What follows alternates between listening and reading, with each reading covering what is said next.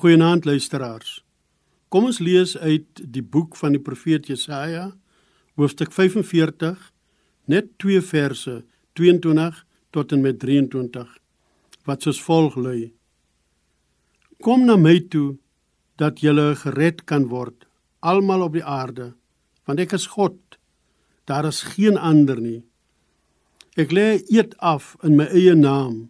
Wat ek sê is betroubaar. Dit is 'n woord wat nie onvervul sal bly nie. Voor my sal elke knie buig. In my naam sal elke tong in eed aflê.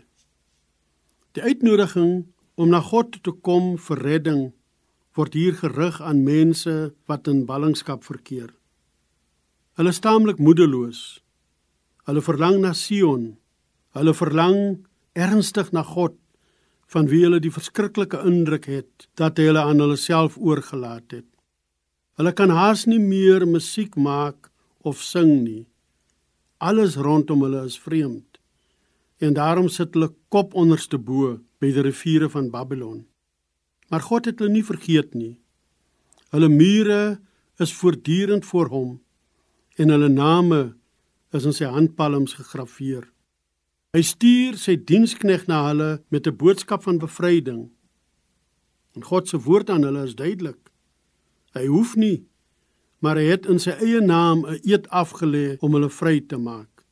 Sy woord is ja en amen. Sy beloftes gaan altyd in vervulling.